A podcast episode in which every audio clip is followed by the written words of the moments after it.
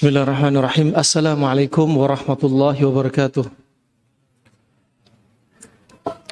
إن الحمد لله نحمده ونستعينه ونستغفره ونعوذ بالله من شرور أنفسنا ومن سيئات أعمالنا من يهده الله فلا مضل له ومن يضلل فلا هادي له أشهد أن لا إله إلا الله وحده لا شريك له وأشهد أن محمدا عبده ورسوله أما بعد الحمد لله أحبت في الله jemaah Masjid Medina Lumajang yang saya mulakan saya cintai karena Allah Subhanahu wa taala. Setelah sekian lama sekitar tiga bulan lebih ya kita uh, tidak berjumpa dalam kesempatan kali ini dalam rangkaian safari dakwah uh, kami akan ambil tema untuk kajian malam ini dengan yaitu totalitas kepatuhan di Idul Kurban. Totalitas kepatuhan di Idul Kurban. Adapun kajian besok subuh insya Allah kita akan membahas kajian topik terkait dengan tibu nabawi, terkait dengan kedokteran Arab klasik, terkait ilmu kesehatan dalam Islam dengan tema kenapa kami tulis buku Latai Ash Latai As Shifa Al Kakarib Rahman wa rahmakumullah jami'an. Allah subhanahu wa ta'ala menjadikan 10 Dhul Hijjah ini termasuk hari yang punya keutamaan. Hari yang Allah jadikan spesial pada hari-hari tersebut. Juga termasuk Idul Adha dan hari Tashrik bahkan dari Ibnu Abbas radhiyallahu anhuma telah berkata Rasulullah sallallahu alaihi wasallam, "Ma min ayyam al-amalu as-salih fihinna ahabbu ila Allah min hadhihi al-ayyam al-ashr." Kata Rasulullah, tidak ada dari hari-hari yang amalan soleh itu pada hari-hari tersebut lebih baik di sisi Allah daripada yaitu ayyamul ashr yaitu 10 awal Hijjah. Kemudian faqalu ya Rasulullah, kemudian para sahabat bertanya, walal jihad fi sabilillah, walaupun jihad juga nggak bisa menyamai ya Rasulullah. Kemudian kata Rasulullah, walal jihad fi sabilillah. Walaupun jihad sekalipun nggak bisa nyamai, illa rajulun kharaja bi nafsihi wa malih falam yarja' min dzalika bi syai'. Riwayat Imam Bukhari dan Tirmidzi. Gak ada yang bisa nyamain kecuali apa? kecuali kalau dia keluar berjihad fisabilillah dan tidaklah orang tersebut keluar dengan dirinya, hartanya, tidak ada yang kembali dari diri dia satu apa pun. Dalam riwayat Imam Ahmad dengan sanad yang hasan, ya kecuali diri dia wajahnya dilemparkan dengan turab, dengan tanah. Ya, menunjukkan apa? Menunjukkan bahwasanya 10 awal Dhul Hijjah itu adalah amalan-amalan soleh ya amalan-amalan soleh yang terbaik ya yang tidak ada menandingi amalan di hari tersebut. Kemudian rahmatullah jami'an juga datang dari Imam Ahmad riwayat Imam Ahmad dari Abdullah bin Umar radhiyallahu anhuma ma min ayyam a'zamu indallah wa la habbu ilaihi min al-amal fihin min hadhil ayam al-ashr. Fa'akthiru fihinna min tahlil wa takbir wa tahmid. Ada tambahan di sini. Pada 10 Dhul Hijjah ini untuk apa? Kita dianjurkan untuk membanyak memperbanyak tahlil la ilaha illallah wa takbir Allahu akbar wa tahmid alhamdulillah. Ini jangan dilupakan. Apa pun aktivitas Anda ya antum antunna sedang di jalan, sedang bekerja, baca ini banyak la ilaha illallah. Kenapa? Hakikatnya totalitas di Idul Adha apa? Ada pelajaran tauhid yang sangat besar. Sebagaimana akan kita kupas nanti ya kejadian antara Nabi Ibrahim dan Nabi Ismail. Di situ ada pelajaran tauhid. Inilah Idul Adha ya dipenuhi dengan takbir, tahlil, tahmid, ya tahlil. Kenapa? Untuk meningkatkan tauhid kita. Ya. Dan di situ ada momen haji. Yang mana haji di situ ibadah itu ibadah haji ini mengandung tauhid. Ya, mengandung tauhid. Percuma berangkat haji tapi diri dia masih belum dibersihkan, dipenuhi dengan kotoran kesyirikan. Ya. Ibadah tanpa tauhid sama dengan sholat tanpa wudhu. Ya, maka ibadah tersebut bisa jadi nggak sah. Nah, karena nggak disertai dengan tauhid. Fa uh, ketika Dhul Hijjah, tiga hal yang perlu kita perhatikan. Tiga hal utama yang ketika masuk Dhul Hijjah, totalitas ketika kita masuk Dhul Hijjah, tiga hal ini harus kita siapin. Nah, yang pertama apa? Taubah as-sadiqah. Taubat yang benar-benar taubat. Kenapa? Karena kalau kita berbuat maksiat dan istimrar dengan perbuatan maksiat terus menerus berbuat maksiat ya maka ketika bulan Dzulhijjah maksiat dia akan dilipat gandakan sebagaimana perbuatan ketaatan akan dilipat gandakan. Makanya iringi dengan taubat ketika masuk Dzulhijjah. Taubat dibagi menjadi dua. Taubatun amah wa taubatun khasah taubatun amah tobat dari semua dosa kita. Yang kita kerasa ataupun tidak kerasa. Besarnya, kecilnya. Sengaja, tidak sengaja. Tobat dari semua dosa kita setiap harinya. Adapun taubatun khasah. Taubatun khasah adalah taubat yang hanya pada satu dosa misalnya. Seperti apa? Dia tobat dari perbuatan zina. Dia tobat dari perbuatan riba. Dari makan uang haram Nah, ini taubatun uh, khasah, taubatun khasah. Kemudian yang kedua adalah yang kita siapkan ketika masuk Dhul Hijjah, totalitas yang kita hadirkan adalah al-azm, al-jad, ala iqtinam hadil ayam min al-ujur. Yang kita siapin apa?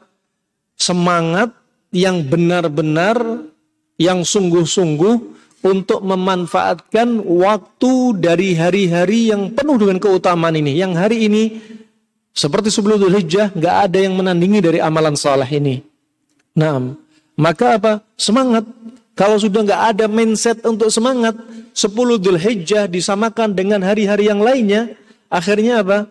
Dia tidak akan muncul greget untuk melakukan amal-amal saleh, untuk menjauhi perbuatan maksiat. Ini yang kedua. Yang ketiga adalah al-bu'd anil ma'asi yaitu menjauhkan diri dari perbuatan maksiat. Ya menjauhkan diri dari perbuatan maksiat. Nah barakallahu fikum. Maka apa? Ini yang pertama. Jangan disamakan 10 Dhul Hijjah dengan hari-hari yang lainnya. Karena Allah sudah membedakan keutamaan 10 Dhul Hijjah dan keutamaan 10 Dhul Hijjah sebagaimana Allah telah bersumpah Allah telah bersumpah wal fajri walayali ashrin. Ya, wal fajri walayalin ashrin. Ya. Wal fajr Allah bersumpah dengan waktu fajar. Walayalin ashrin. Ya. Yaitu apa? Layalin ashrin. Para ahli tafsir mereka berpendapat dari jumhur mufassirin juga termasuk al-khalaf ulama-ulama yang akhir-akhir juga berkata Ibnu Katsir dalam tafsirnya yang benar adalah tafsir yang benar adalah Dhul Hijjah. Ashr Dhul Hijjah yaitu 10 Dhul Hijjah. Allah bersumpah ya. Allah bersumpah dengan apa?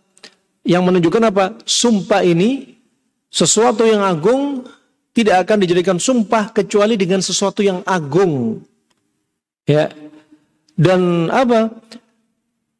Dhul Hijjah ini termasuk satu yang agung. Dan Allah bersumpah ya dengan sesuatu yang agung. Dan juga momen pada 10 Dhul Hijjah ini pada hari Arafah ada momen besar yang kita kembali ke sejarah di zaman Nabi SAW ketika Yaum Arafah pada hari Arafah Haji Wada setelah sholat asar turun ayat ini.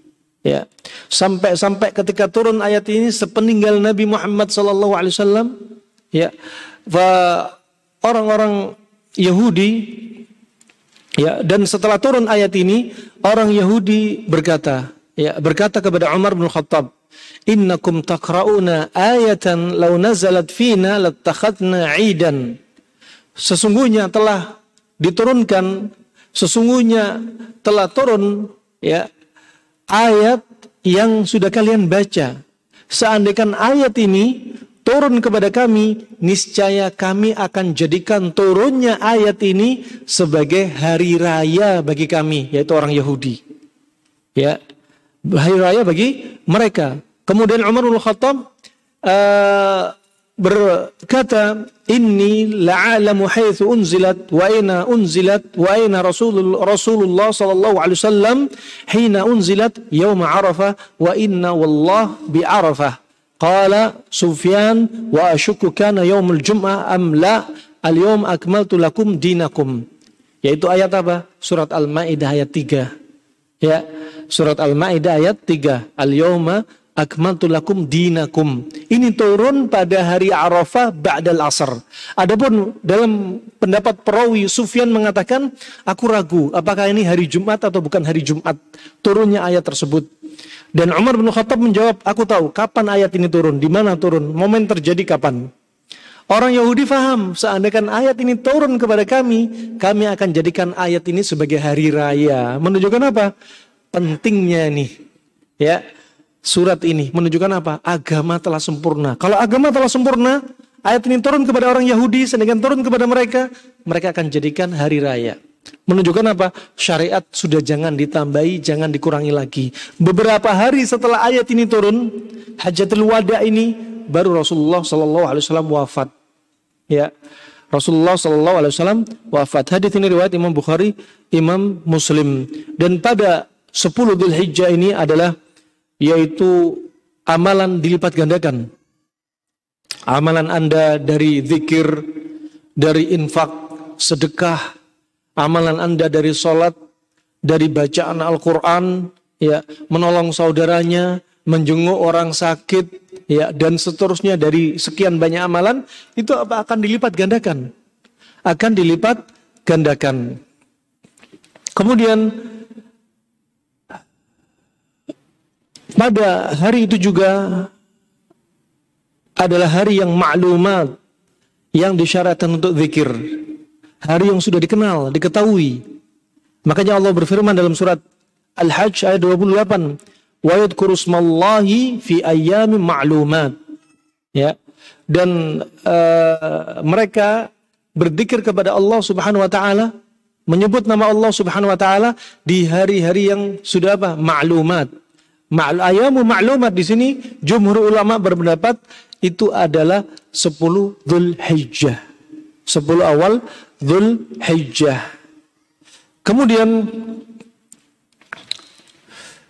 pada 10 Dhul Hijjah juga disebutkan keutamaannya bahwasanya pada hari itu ada hari Arafah yang di situ terjadi apa? Hajjul Akbar dan di situlah diampuni dosa-dosa. Dan di situlah ada syariat puasa. Syariat puasa. Dalam riwayat Imam Muslim, riwayat Imam Ahmad, riwayat Imam Tirmidzi disebutkan yukaffirus sanah madiyah wal baqiyah. Yang mana puasa ini, puasa satu hari ini, puasanya cuma satu hari. Tapi keutamanya apa? Yukaffirus sanah al madiyah wal baqiyah. Menghapuskan dosa satu tahun yang lalu dan satu tahun yang akan datang. Coba bayangin. Dua tahun dosa kita dihapusin gara-gara puasa satu hari. Itu ajaib. Itu apa? Sayangnya Allah kepada hambanya. Dengan amalan yang ringan, dosa-dosanya dihapuskan. Tapi dosa apa? Dosa kecil.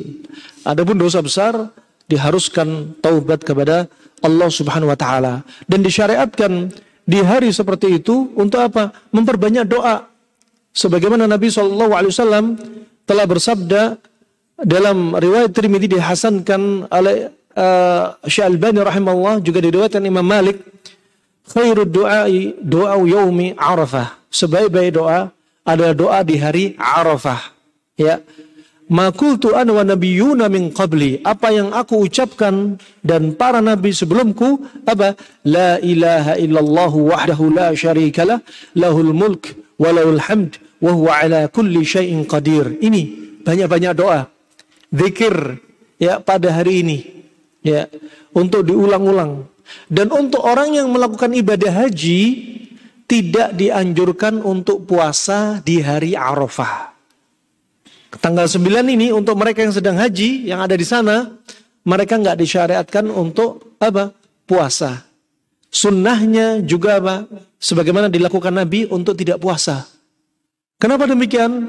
Disebutkan oleh para ulama karena kalau seandainya dia puasa akan banyak pintu kebaikan yang dia tidak bisa datangi. Kenapa? Karena di situ banyak ibadah-ibadah yang membutuhkan tenaga. Itu hikmahnya.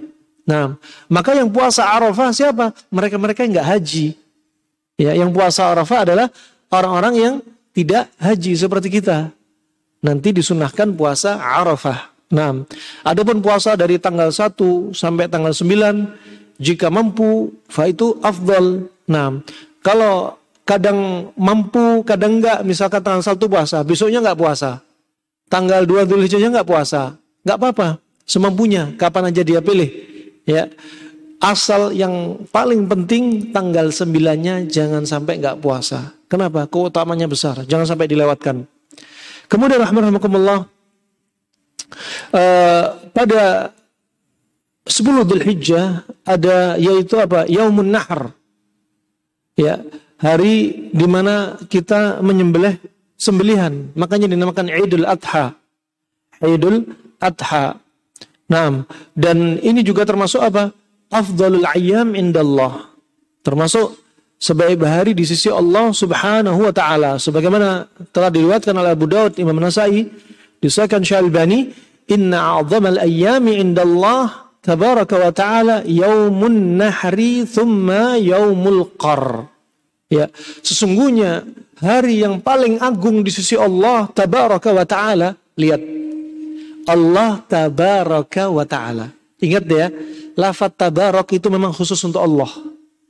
Kita sering jelasin, antum kalau melihat sesuatu yang takjub, lihat sesuatu yang menakjubkan di mata antum, maka doanya bukan Masya Allah tabarakallah yang benar. Ya, kenapa? Karena tabarak sama dengan ucapan subhanallah. Kita hanya memuji Allah. Dan lafat tabarak itu khusus untuk Allah. Gak boleh kita mengatakan kepada fulan, tabaraka anta ya fulan. Gak boleh. Karena itu seperti apa? Mensucikan Allah subhanahu wa ta'ala. Nah, kalau bilang tabaraka anta ya akhi, ya itu gak boleh. Karena lafad tabarak itu khusus untuk Allah. Jika sesuatu yang khusus untuk Allah dialihkan untuk juga selain Allah, maka khawatir terjatuh dalam kesyirikan. Kalau itu syiriknya syirik lafzi, maka syirik kecil.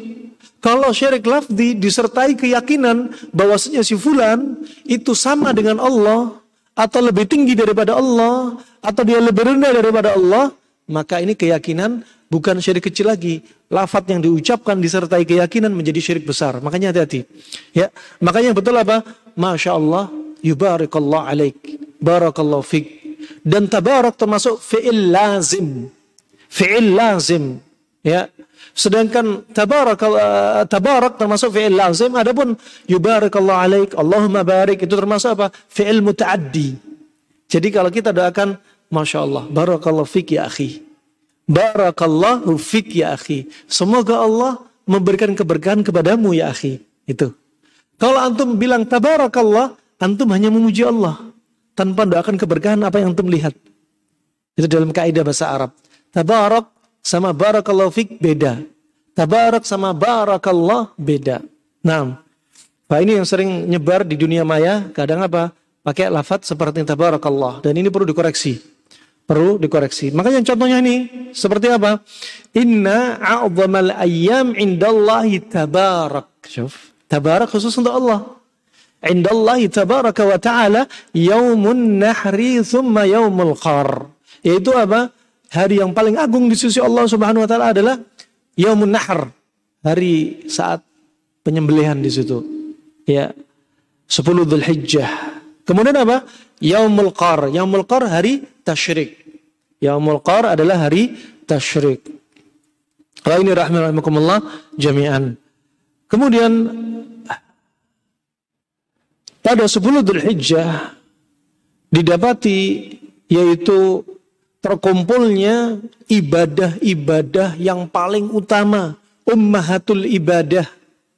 Ibadah Indo ibadah terkumpul di 10 di 10 hari terakhir nih. Ya, 10 awal Dhul Hijjah ini. Nah, terkumpul pada 10 awal Dhul Hijjah. Seperti apa di antaranya?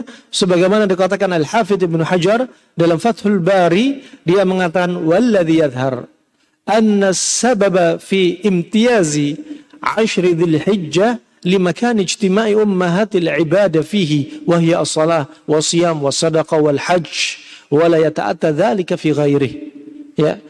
dan yang nampak bahwasannya sebab kenapa sepuluh gulai hijja punya spesifikasi spesial ya uh, dibanding yang lainnya. Kenapa? Karena di situ terkumpullah induk-induk ibadah. Seperti apa? Salat. Salat termasuk induk ibadah. Rukun Islam yang kedua. Ya. Subhanallah juga di situ banyak zikir la ilaha illallah, juga banyak takbir untuk memanifestasi, memanifestasikan apa? Asyhadu an la ilaha illallah. Ya. Rukun Islam yang pertama. Ya.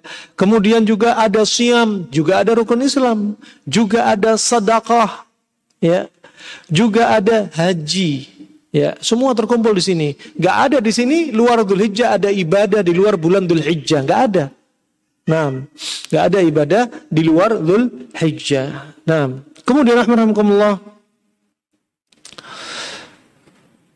amal-amalan yang disunnahkan pada 10 Dhul Hijjah ini yang pertama sebagaimana kita sebutkan di awal yaitu apa? Taubat dan melepaskan diri dari segala wujud maksiat, semua maksiat. Yang tadinya sebelum 10 Dhul Hijjah gampang melihat yang haram, maka ketika 10 Dhul Hijjah lepaskan itu semua. Yang tadinya gampang mencela memaki, lepaskan itu semua. Yang tadinya gampang ribah dan namimah, lepaskan itu semua. Nah, wah ini apa mindset yang perlu kita tanamkan ketika masuk Dhul Hijjah. Sebagaimana disebutkan dalam hadis riwayat Bukhari Imam Muslim dari Abu Hurairah radhiyallahu an. Nabi sallallahu alaihi wasallam bersabda, "Innallaha yaghar." Wa innal mu'min yaghar wa ghairatullahi al-mu'minu ma harrama alaih. Kata Nabi SAW, sesungguhnya Allah itu cemburu. Dan sesungguhnya orang mukmin juga bisa cemburu. Allah cemburu, seorang mukmin cemburu. Tapi cemburunya orang mukmin kadang cemburunya benar, kadang nggak benar. Ya. Nah, kadang kenapa? Karena kadang kita taat, kadang kita maksiat. Kadang cemburu-cemburu karena syahwat kadang cemburu karena Allah. Nah, wa adapun cemburunya Allah Subhanahu wa taala wa ghairul wa ghairatullahi ayyatiya al-mu'minu ma harrama alaih. Dan Allah itu cemburu jika apa? Jika ada seorang mukmin yang mendatangi apa-apa yang diharamkan Allah, itu cemburunya Allah. Jika ada seorang mukmin dia mendatangi apa-apa yang diharamkan oleh Allah, dia cemburu. Nah, dia cemburu. Kemudian berikutnya ada as-salah. Di situ ada salat. Ya, makanya ketika uh, 10 Dhul Hijjah salatnya juga harus betul-betul dibenerin ya. Salat rawatib jangan sering ditinggalin. Ya, salat wajib uh, fardu jamaah di masjid. Nah, apalagi pas hari Jumat. Nah, dan itu wajib bagi setiap muslim untuk menjaganya. Ya, menjaga sholat fardu juga menjaga sholat bersama jamaah, menjaga untuk memperbanyak sholat uh, sunnah, nawafil, juga menjaga sholat rawatibnya. Dan ini termasuk apa? Pendekatan diri kita kepada Allah di 10 Dhul Hijjah. Ya, Makanya 10 Dhul Hijjah yang penuh dengan keutamaan, yang gak ada amalan yang nyamai walaupun jihad visabilillah, kecuali jika dia berjihad nggak ada yang kembali apa pun dari diri dia, baru bisa nyamain. Maka karena itu apa? Banyak taubat, banyak sholat, kemudian apa? Uh, yang bisa haji umrah, ya haji umrah. Ya, jangan ditunda-tunda. Ya, sebagian orang punya kemampuan untuk haji, kemudian dia tunda. Uangnya dipakai bisnis dulu aja, hajinya tahun depan aja. Padahal kemampuan sudah ada, ajib. Nggak lama kemudian bisnis dia ambruk, justru setelahnya nggak bisa haji. Kenapa? Kewajiban sudah ada tapi ditunda. Nah, ini rahmatullah jamaah. Kemudian juga uh, puasa juga takbir, tahmid, tahlil, zikir juga didatangi di 10 Dhul Hijjah. Dan takbir dibagi menjadi dua. Takbir mutlak sama takbir muqayyad. Takbir mutlak yaitu masyru' ya. Dilakukan kapan saja ketika Anda memulai masuk 10 Dhul Hijjah dari malam satu tanggal malam satu Dhul Hijjah misalkan Anda takbir. Tapi takbirnya apa? Takbir mutlak. Kapan saja. Tidak harus setelah sholat, tidak harus. Kapan saja mau naik motor takbir, nyetir mobil takbir, lagi dagang takbir, ya. Allahu akbar, Allahu akbar, Allahu akbar. Takbir, ya Fa ini rahmatullah. Uh, adapun takbir takbir muqayyad ya, takbir muqayyad takbir mutlak tadi dari kapan? Dari masuknya pertama kali Dzulhijjah sampai hari tasyrik yang terakhir. Ya. Adapun takbir muqayyad adalah takbir yang dilakukan setiap selesai sholat lima waktu. Ya. Dan ini dilakukan kapan? Sejak kapan? Sejak yaitu ba'da subuh pada hari Arafah. Tanggal 9 Arafah, namanya Arafah, Arafahnya ikut sana. Ya. Bukan Arafahnya menurut kita tanggal Dzulhijjah, masuknya Dzulhijjah menurut kita tapi ikut sana. Ya, sejak saat itu takbir dari ba'da subuh sampai hari tasyrik ba'dal asr akhir tasyrik. Nah, tasyriknya tentunya ikut sana enggak? Juga ikut sana. Ya. Sembilannya ikut sana, tasyriknya juga ikut sana. Nah, takbirnya juga ikut sana. Sedangkan kita karena pemerintah e, menentukan waktunya beda dengan waktu yang di sana, berarti apa? Idnya kita juga ikut idnya pemerintah. Ini pendapat Syekh Albani rahimahullah taala. Walaupun beda satu hari. Kenapa? Liyukathir sawadil a'zam. Untuk menampakkan sawadul a'zam. Kaum muslimin yang bersatu, nggak bercerai-berai, nggak pisah-pisah. Yang satunya partai ini, golongan ini, madhabnya ini, ikutnya besoknya ini, ikutnya yang kemarin. Ya akhirnya pecah-pecah. Enggak tetap kata Syalbani rahimahullah ikut pemerintah. Tetapi puasa Arafahnya kita tetap ikut sana. Puasa Arafahnya kita tetap ikut sana. Karena apa? Ini ibadah terkait dengan haji. Kita kembalinya ke sana. Wallahu alam bisawab. Kemudian rahmatullah jami'an memperbanyak amalan salihah ya amal salihah seperti dicontohkan oleh para ulama seperti apa? Qiraatul Quran, membaca Al-Quran, belajar tafsirnya, mengajarkan Al-Quran, juga banyak istighfar, banyak qiyamul lail di 10 hari terakhir ini. Kemudian apa? Birul waliden. Kalau Anda jauh dari orang tua, minimal tiga hari sekali telepon. Ya, seperti Syekh uh, Ar-Ruhaili mengatakan, dia mengatakan, Sulaiman Ruhaili mengatakan minimalnya tiga hari sekali. Kalau Anda nggak bisa pulang ke rumah, kalau Anda yang jauh nggak bisa mudik, minimalnya tiga hari sekali Anda telepon orang tua Anda.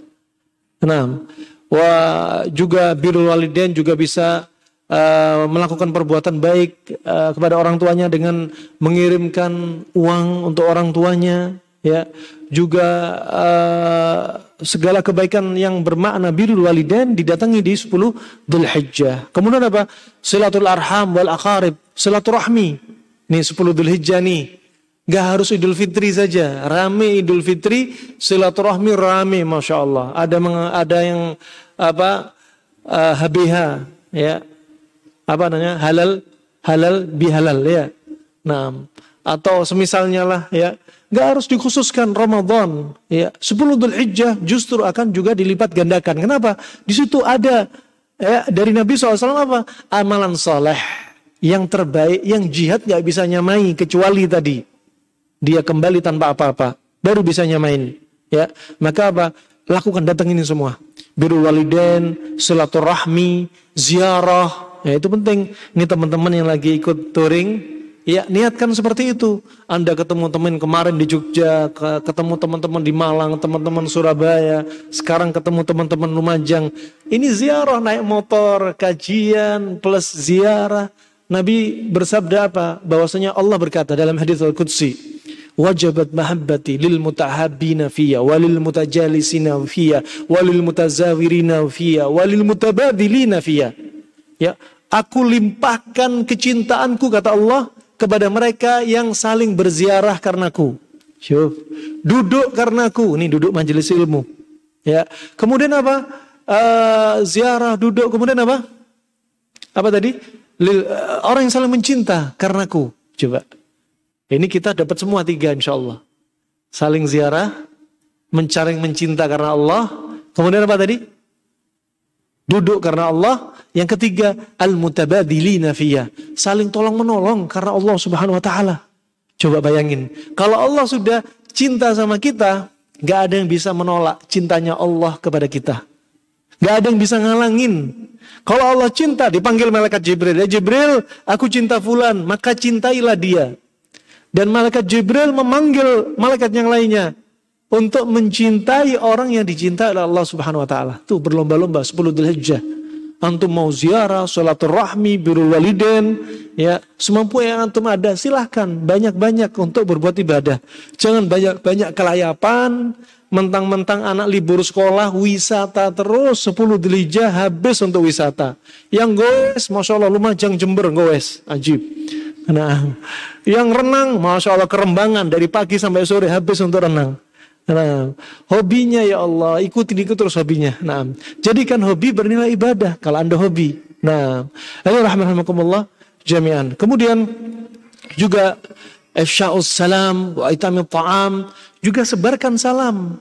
Ditulis tuh di depan Madinah sebelum masuk gang. Hendaknya Anda sebarkan salam. Tuh penting sebarkan salam. Jangan pakai mobil masuk ke Madinah tutup kaca. Tetangga-tetangga ngelihat siapa dalam mobil. Jangan tebar senyuman ya kepada siapa pun. Ibtasim ya, ibtasim senyumlah. Idza ra'aita man ahbab ibtasim likai ya'rif mahabbatak. Jika engkau melihat orang yang kau cintai, senyumlah. Biar apa? Dia tahu kita cinta sama si dia. Tuh. Ibtasim idza ra'ait man tarakak ibtasim likai ya'rif wa likai likai yandam limada ta, limada tarakana. Nah, kalau ada orang yang meninggalkan dirimu, senyum, senyum aja. Biar dia tahu, nyesel dia ninggalin kita. Ya. Idza ra'ait min aduwik ibtasim likai ya'rif quwwatana. Kalau Anda melihat orang yang memusuhi Anda, senyum. Biar dia tahu kekuatan senyum kita punya kekuatan hati yang kuat. Nah, idza ra'ait man ta'rif au ala man ta'rif ibtasim falakal ajr wa thawab. Kalau Anda di jalan ketemu orang yang Anda kenal, nggak Anda kenal, senyum. Bagi Anda pahala, bagi Anda ajar ganjaran. Udah senyum aja mau digibahin senyum, ya. dimusuhin senyum, ditinggal senyum. Nah, watabassumuka fi wajhi sadaqah dan senyuman Anda ya di depan saudara Anda itu adalah sedekah. Kenapa sih? Senyum aja nggak mau, mukanya merengut terus. Sedekah senyuman aja nggak mau. Apalagi sama tetangganya nih, sedekah makanan ya atau infak berupa harta enggak sama sekali. Ya Allah, Uh, jangan sampai apa? Wayak biduna aidiyahum jadi orang yang apa? Harta itu dipegang terus. Sulit sekali ngeluarin duit ngeluarin harta ya Allah. Senyuman tidak dikeluarin apalagi duit. Nah. Rahimahumullah jami'an. Ini ibadah-ibadah ini walaupun ringan lakukan. Ruba amalin sagirin kabbaratuhu an-niyah wa ruba amalin kabirin sagharatuhu an-niyah. Bisa jadi amalan kecil jadi besar karena niat kita. Bisa jadi amalan besar jadi kecil karena niat kita. Hanya senyuman kecil, amalan kecil, tapi karena niat kita jadi besar di sisi Allah. Sedekah yang besar, masya Allah. Nah, yang disenangi apa? Hadis satu ini, wafi but'i ahadikum sadaqah. Dan ketika anda mendatangi pasangan anda itu sedekah itu terus yang dihafal. Senyum tapi nggak diingat itu kalau senyum juga sedekah. Nah, ya kalau jomblo masalah, datengin siapa? Nah, Barakallahu fikum. Ini rahmatullah jami'an. Kemudian apa? Banyak memberi makan. Banyak infak. Banyak sedekah. Wal islah bainan nas. Ini penting. Merukunkan manusia yang sedang bertikai penting. Antum lihat. Sering antum bertanya-tanya. Kenapa sih kita yang suka sudah hijrah. Sering kita bermusuhan antara kita. Si fulan sama si fulan. Ini abu, ini ummu. Bertengkar. Ya, ini ada aja masalah. Itu kenapa? Anda lihat, kalau sebagian orang awam, sebagian mereka belum hijrah, belum tahu ilmu, rukun banget. Seperti nggak ada apa-apa. Ketika kita yang sudah ngaji, kenapa sih ya Allah tengkar terus, pengennya menjauh terus antara mereka. Kenapa? Lah itu kan jebakan iblis. Kalau iblis menjebak, mau menjebak orang yang sudah sesat, menjebak orang yang nggak berilmu, itu nggak butuh tenaga. Kamu sudah sesat, ngapain dijebak lagi? Nggak punya ilmu, aduh apain? Ya udah biarin dia melakukan amalan yang nggak diridhoi, silahkan. Tapi orang yang berilmu sudah diajarin ilmu. Ini jerih payah iblis untuk jebak mereka. Makanya itu apa? Anda lihat di antara ikhwah, antara umat sering terjadi permusuhan. Makanya islah bainan nas, perbaiki antara mereka yang bermusuhan termasuk suami istri. Kenapa? Itu yang paling disukai iblis. Laporan dari pasukannya ketika ditanya, kamu sudah melakukan apa? Kata iblis. Apa kata si pasukan dari setan ini? Aku melakukan ini dan itu. Kamu sebenarnya belum melakukan apa-apa. Ketika ada pasukan bilang, saya sudah berhasil menceraikan si fulan dengan istrinya. Ini baru top nih. Nah, itu rahimahumullah jami'an. Makanya jebakan iblis. Gak usah diikutin. Ya, kalau ada orang suudon macam-macam semakin bikin perpecahan udah direm, jangan dilanjutin. Kita lanjutin setelah adzan insyaallah.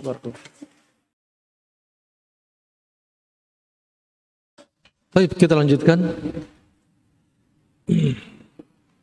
Juga di antaranya yang ditegakkan yang perlu kita lakukan di bulan Dhul Hijjah, 10 Dhul Hijjah termasuk amalan-amalan soleh yang akan dilipat gandakan bahkan amalan yang nggak bisa ditandingi. Amalan soleh di 10 Dhul Hijjah tersebut yang perlu kita lakukan adalah al-amr bil ma'ruf wa nahyu anil munkar. Ini penting ya bahkan dari Abu Bakar As-Siddiq riwayat Abu Daud Nabi telah bersabda ma min qaumin ya'malu fihim al-ma'asi wa yastati'una an yughayyiru wa lam yughayyiru illa yushiku ayya'ummahumullahu minhum bil iqab. Kalau ada satu kaum, kaum tersebut berbuat maksiat dan yang lainnya cuma diem, padahal dia mampu untuk merubah maksiat. Tapi apa? Dia diem dari hal tersebut. Maka apa kata Rasulullah? Tidak kecuali apa? Pasti akan Allah berikan iqab. Allah akan berikan balasan. Kenapa? Karena mereka yang meninggalkan amar ma'ruf wa nahi anil munkar. Bahkan ikopnya apa? Ya um. Apa? Merata. Allah nggak bele-bele. Yang perempuan saja yang kena, lakinya saja kena. Orang yang maksiat saja kena, yang muslimnya tidak kena. Ya. Semua kena. Hewannya, manusianya, jinnya juga kena. Maksiatnya, yang taatnya kena semua besarnya kecilnya diratakan sama Allah Subhanahu wa taala. Kenapa? Karena kita yang ngentengin amar ma'ruf wa nahyu anil munkar. Ada orang mencela nabi diem. Ya.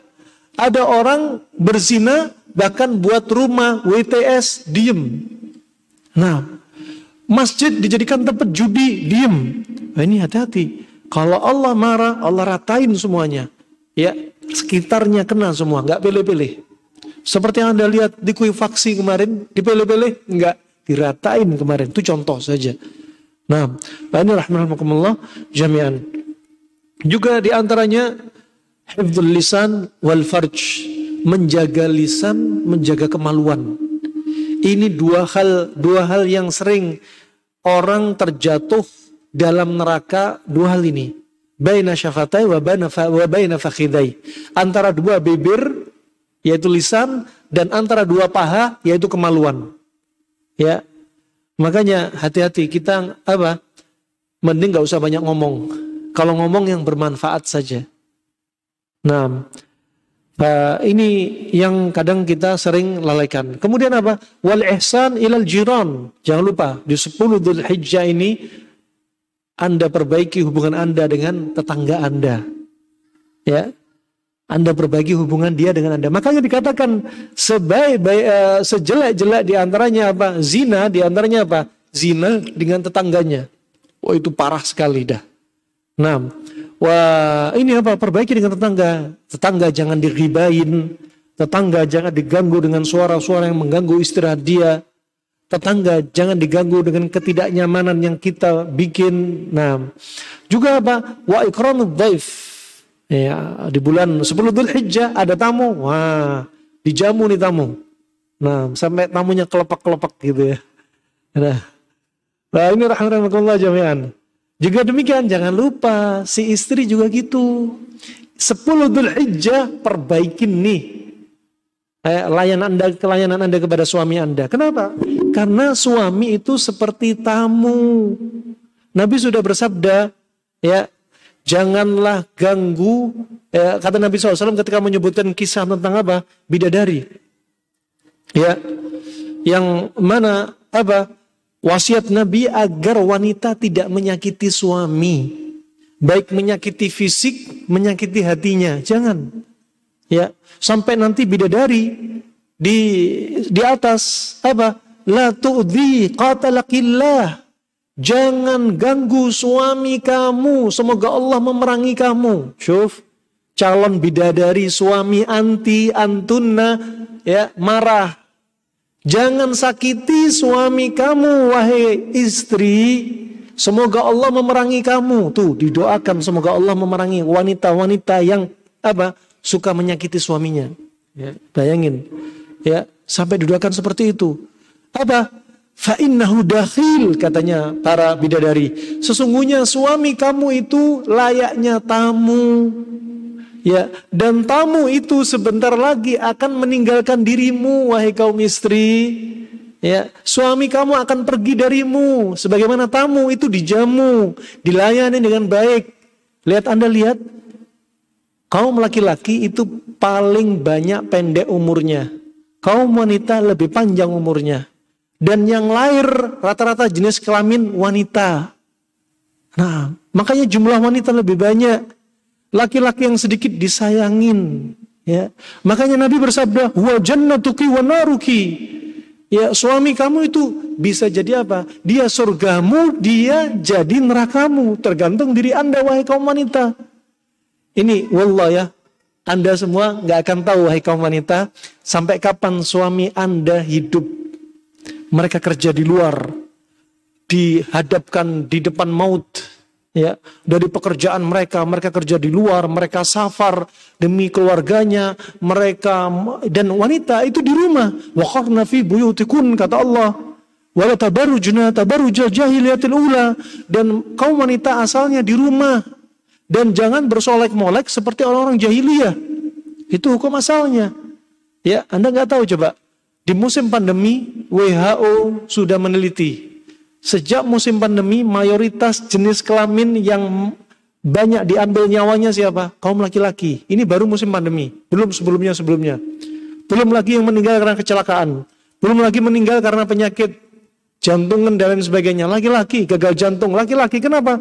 Menerima ocehan, omel-omelan dari para istrinya. Gagal jantung coba. Wallah anda dapatin, wallah anda dapatin. Berapa banyak laki-laki kena gagal ginjal karena capek dengan istrinya, wallah. Kenapa? Karena sedih. Sedihnya dia bikin ginjal dia lemah. Sampai akhirnya gagal ginjal, harus cuci darah. Gara-gara apa? Tingkah laku suaminya, eh, istrinya. Makanya hati-hati. Sayangin suami Anda.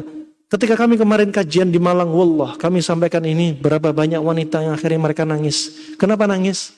Setelah ditinggal sama suaminya. Coba. Um, makanya itu apa? Sayangin nih suami Anda nih. Suami Anda cuma satu. Ya, nggak ada poliandri, adanya cuma poligami makanya. Kalau poli, makanya suami yang satu ini sayangin. Ya, jangan dikecewain. Ini 10 Dzulhijjah awal apa? Nih, perhatikan. Ya, servis suami Anda, makanannya mau kerja dibekelin. Kalau keluar tanyain, "Mas, sudah sampai tempat kerja, aman-aman, Mas." Itu penting, memupuk rasa cinta. Jangan cuek-cuekan. Ya, diperhatikan itu penting. Ya, ketika suami minta jatah, layanin. Ya, jangan ditolak. Coba bayangin malaikat melaknat dia dari suami ngajak dia nolak, dia tidur dalam keadaan marah sampai waktu fajar malaikat melaknat kaum wanita si istri yang seperti ini. Coba sudah nggak dilayanin, diomelin, ya subhanallah nggak dihidangin makanan, pakaian suruh nyuci sendiri, suruh ngepel rumah, suruh mandikan anak-anak. Nah tugasnya istri apa terus? Minta ART lagi, subhanallah. Ah, ini apa? Istri yang manja. Hati-hati, jadikan suami Anda itu apa? Surga bagi Anda. Jangan jadikan apa? Sebagai neraka bagi Anda nanti. Ya, ini 10 Dzulhijjah koreksi diri. Semua amalan kita semua. Nah, kemudian rahmatullah wa wal infaq fi sabilillah. Infak fi sabilillah, infak untuk dakwah, ya. Infak untuk Masya Allah ada yang uh, kaum muslimin yang di sana mengalami kesusahan, uh, lagi ada peperangan. Nah, Wah, juga menuntut ilmu. Itu juga termasuk visabilillah infak mereka-mereka yang sedang menuntut ilmu bantu mereka dengan biaya misalkan. Menuntut ilmu baik di Indonesia ataupun di sana di luar negeri. Kemudian juga imatatul adha anit tariq menyingkirkan duri di jalan halangan di jalan ya. Ini menunjukkan apa?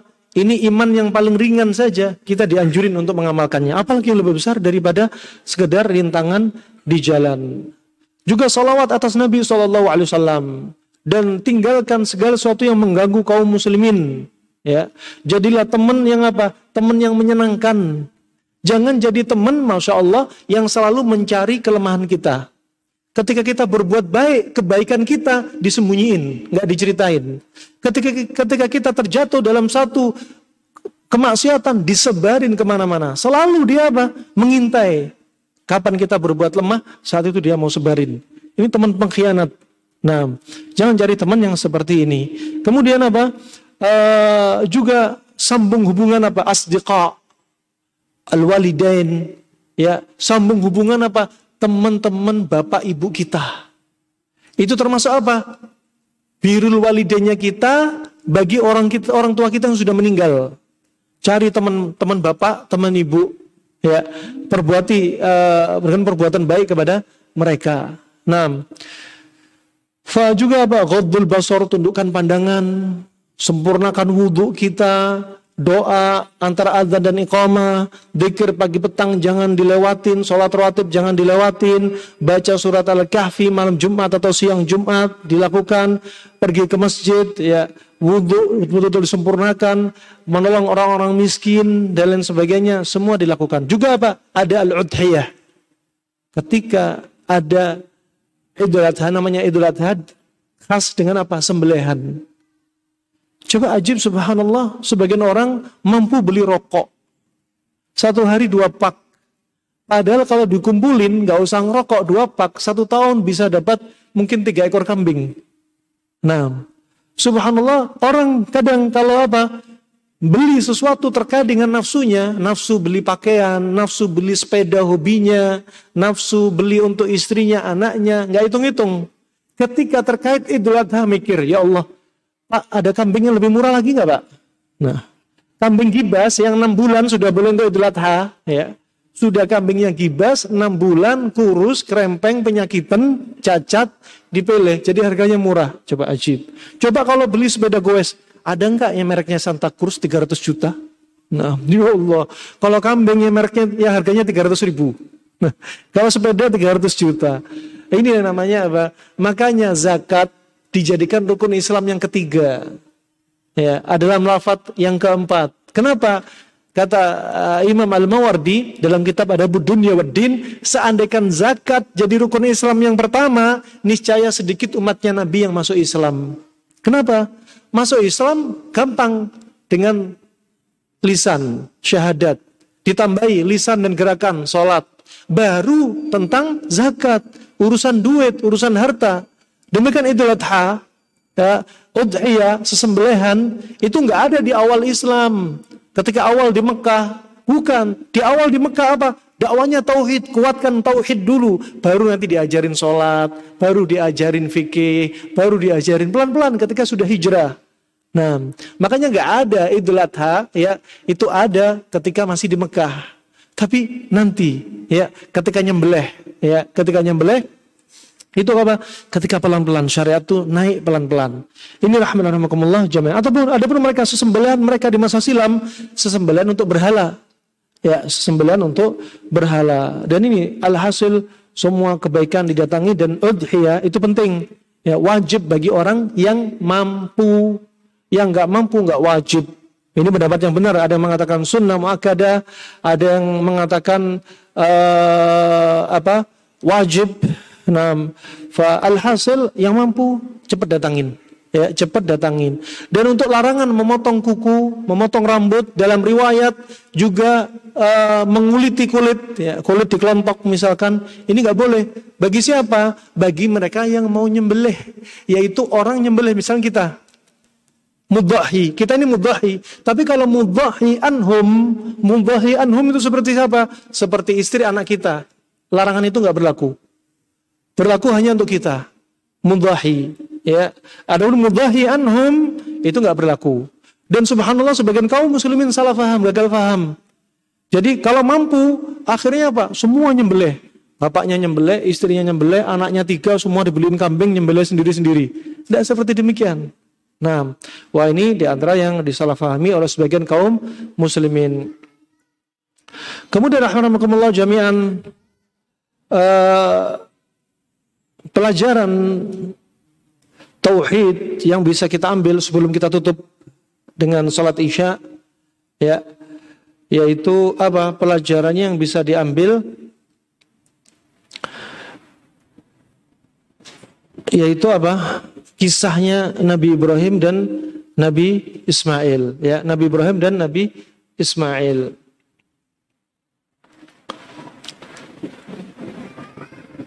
Hmm. Tayyib lah.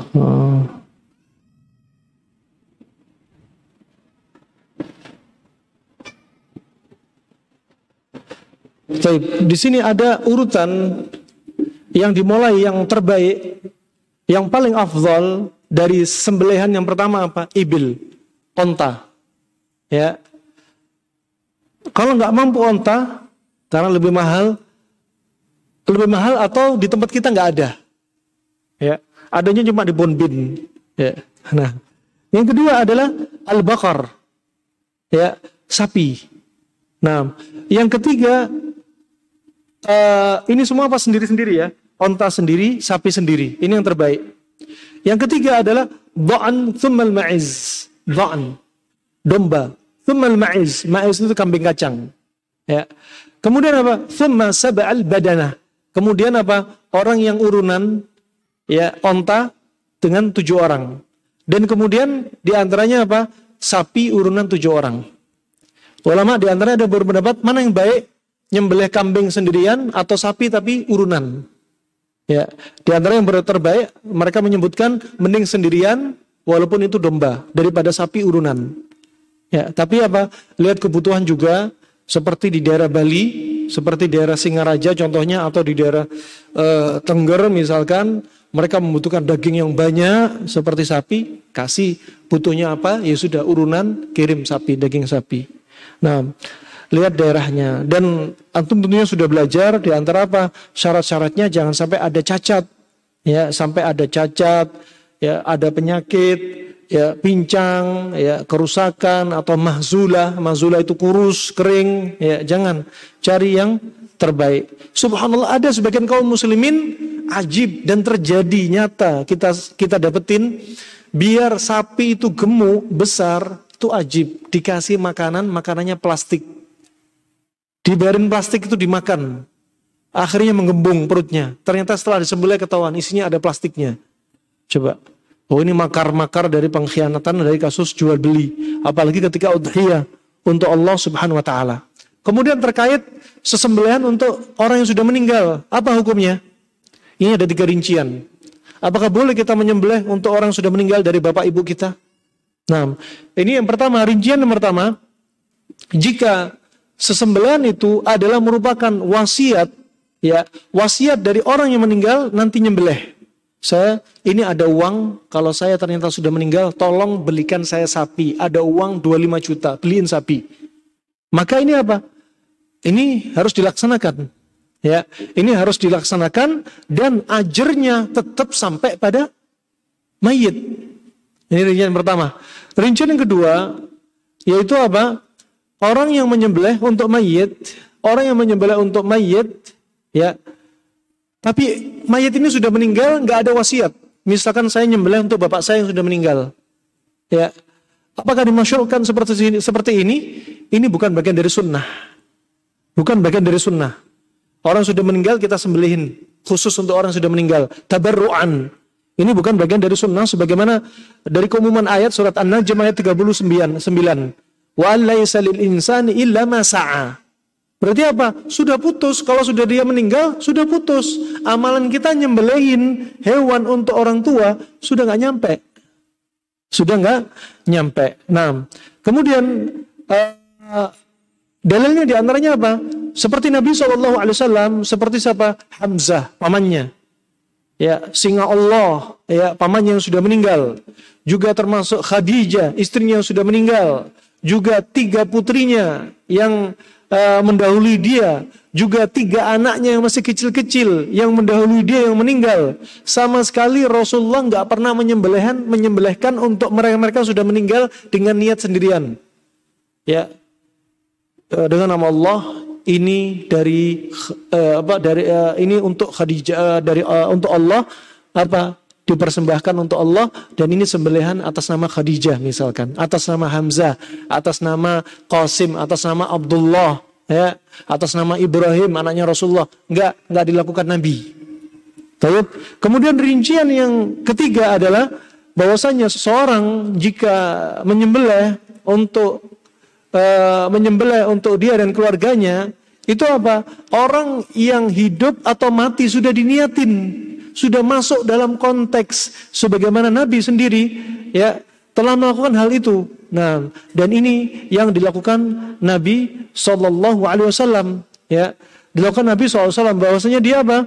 Dia meniatkan sesembelian itu untuk apa? Keluarga dia yang hidup dan keluarga dia yang sudah meninggal. Ya, makanya uh, Rasulullah SAW ketika menyembelih waktu itu menyebutkan apa? Allahumma hadha mink walak. Allahumma hadha an Muhammad wa ali Muhammad. Ya. Dalam riwayat yang lainnya yang hidup atau yang sudah mati hayyan wa mayitan. Ya. Nah, Wah ini rahmatullah jami'an. Berarti apa? Rasulullah nyembelih langsung niatnya apa? Untuk keluarganya yang hidup juga keluarganya yang sudah meninggal. Tanpa mengkhususkan satu yang sudah meninggal. Nah, ini rahmatullah jami'an. Kemudian faedah yang terakhir, faedah yang terakhir uh, dalam surat As-Saffat ayat 102 ada faedah yang besar di sini di antaranya ada kisah besar kisahnya Nabi Ibrahim dengan Nabi Ismail ya falamma balagha ma'hu sa'ya ya sebagaimana disebutkan tatkala uh, Nabi Ismail yang mana Nabi Ibrahim lama nggak punya anak dan Hajar sudah berusia. Tetapi Allah berikan rizki pada usia tua. Yang Hajar sampai nggak percaya. Tapi ini sudah uh, dari Allah subhanahu wa ta'ala dan Allah jadikan Hajar kemudian hamil dalam usia yang tua. Kemudian falamma balagha ma'ahu sa'ya ketika apa? Ismail sudah besar, sudah umurnya usia muda dan dia sudah bisa membantu tugasnya orang tua, pekerjaan orang tua, pekerjaan Nabi Ibrahim sudah bisa dilakukan oleh Ismail. Kemudian Nabi Ibrahim berkata, Ya bunai, inni ara fil manami anni adbahuk. Wahai anakku, sesungguhnya aku melihat dalam tidurku, aku telah menyembelih kamu. Coba bayangin. Dan disebutkan oleh ulama tafsir, Nabi Ibrahim mimpi hal ini sekitar tiga kali. Dan disebutkan oleh para ulama tafsir bahwasanya mimpinya para nabi itu adalah wahyu. Ya, bukan kedustaan. Ya, mimpinya benar, apalagi berulang-ulang. Ya. Kemudian kata Allah Subhanahu wa taala Nabi Ibrahim berkata, "Madza tara?" Bagaimana menurutmu wahai anakku? Coba. Nabi Ibrahim nggak langsung bilang kepada Nabi Ismail, ya Ismail, aku udah mimpi aku nyembelih kamu. Ayo tak sembelih yuk. Nggak bilang gitu. Tapi apa? Dikembalikan pertanyaan tersebut, dikembalikan kisah tersebut kepada Nabi Ismail. Mada tara? Bagaimana menurut kamu wahai anakku? Coba. Kemudian apa kata Nabi Ismail yang menunjukkan tarbiyah, sebaik-baik tarbiyah. Apalagi tarbiyahnya seorang nabi kepada anak. Hasilnya coba kelihatan. Qala ya abati. Coba. Ini sebaik-baik panggilan anak kepada bapak.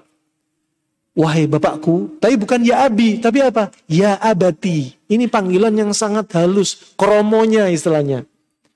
Subhanallah di Arab pernah kami dapati. Bapak marah sama anak. Bapaknya bilang, ya himar katanya. Wahai dongki, wahai keledai katanya. Apa jawaban anak? Anak himar sogir, anta himar kabir, gitu katanya. Aku kalau dia kecil, kamu kalau dia besar. Ya dijawab, karena tarbiyah bapaknya seperti itu. Dijawab, al-aks bil aks. Makanya kalau ngomong sama anak hati-hati. Kalau anak sedang bikin kita marah. Allah ya dik ya habibi. Wallah dia ngikut. Nah, manggil bapaknya ya habibi. Coba ajib. Ya subhanallah nih anak-anak anak anak ini pernah di rumah Anak gak, gak nyangka aja, kaget aja. Kita biasa mengangkat satu Bismillah. Dia ngangkat sendok, ngangkat satu barang kecil, Bismillah, ikut-ikut coba. Karena dia, dia duplikator yang paling hebat dia anak kecil tuh. Makanya apa yang anda ucapkan ditiru, apa yang anda lakukan ditiru. Jangan sambil minum sambil berdiri. Nah kalau minum sambil berdiri, nah, jangan, jangan sambil berdiri, sudah kamu. Lah Abi minum berdiri, ini khusus untuk Abi. Jangan. Ya, contohin ke mereka, barakallahu fikum. Nah, ajarin, antum yang ngajarin mereka. Jangan apa, ustadznya di pondok suruh ngajarin anak antum, anak antum nggak ngajarin apa-apa, lepas diri. Juga bukan. Dua per tiga pendidikan itu Anda, sepertiga titip di sekolah sana. Tapi dua per tiganya Anda. Yang diminta tanggung jawab bukan kepala sekolah, wali murid, eh, bukan wali kelas. Tapi apa? Wali muridnya yang diminta tanggung jawab oleh Allah Subhanahu wa taala. Fa ini kemudian apa? Kata Nabi Ismail, "Qala ya abati, wahai bapakku sayang istilahnya. Wahai bapakku yang lembut, panggilan lembut, kromonya ini. Ya, ini menunjukkan tarbiyah, tarbiyahnya Nabi Ibrahim kepada putranya. If'al ma tara. Ya, lakukan apa yang kau lihat dalam mimpi kamu. Silahkan, coba bayangin. Ini mau disembelih, dikembalikan kepada bapaknya. Silahkan lakukan apa yang kau lihat. Coba kalau anak antum ya nggak punya akidah, nggak punya tauhid sekuat Nabi Ibrahim sama pendidikan kepada Nabi Ismail. Ya, ya waladi, aku mimpi tadi malam kamu, aku sembelih. Bapak sembarang-barang tak penjarakan laporin polisi nanti. Macam-macam aja anak sembelih. Nah, ini rahmatullah jami'an. Kalau ya, ini, ini bapaknya kesurupan kayak. Kalau ya abadi afal if'al matara. Lakukan apa yang kau lihat. Satajiduni insyaallah minas sabirin. Niscaya kau akan dapati aku apa? Termasuk orang-orang yang sabar. Coba. Ini nggak mungkin ucapan ini disampaikan kecuali apa? Dari apa? Tarbiyah orang yang sabar juga. Ya, tarbiyah dari orang yang sabar juga. Nah, wah ini menunjukkan apa? Suksesnya tarbiyahnya Nabi Ibrahim alaihissalam kepada anaknya coba kepada putranya. Dan makanya ketika sudah diletakkan di batu, ya, dibalikkan wajahnya di bawah. Dan siap Nabi Ismail untuk disembelih. Ya, dalam riwayat disebutkan oleh ahli tafsir, bapakku biarkan wajah di bawah. Biar, biar apa? Dia nggak lihat pisau. Dan biar apa? Biar bapaknya nggak lihat wajah anaknya yang sedang disembelih. Biar bapaknya tegel, nggak usah lihat wajah Nabi Ismail ya dan sampaikan kepada Ummi ya biar dia tetap sabar ya tapi riwayat ini ya disebutkan oleh tafsir ya sanatnya fi kalam alhasil ya, Nabi Ibrahim meletakkan dalam posisi wajah di bawah agar apa? Di antara Nabi Ibrahim biar kuat.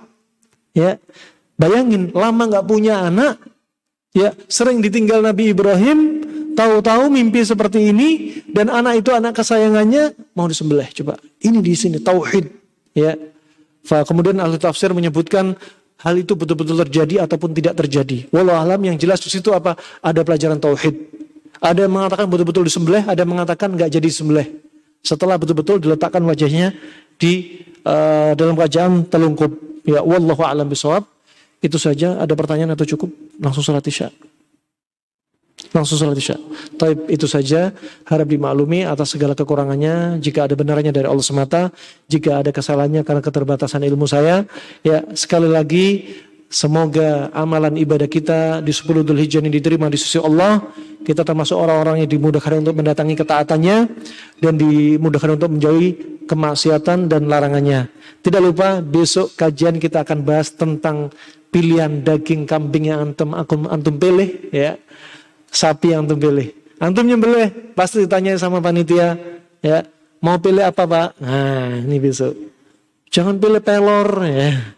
Jangan pilih usus, pilih kepala, jangan. Besok kita bahas insyaallah. Wabillahi taufiq wal hidayah. Subhanakallahumma bihamdik asyhadu an la ilaha illa anta astaghfiruka wa atubu ilaik. Wassalamualaikum warahmatullahi wabarakatuh.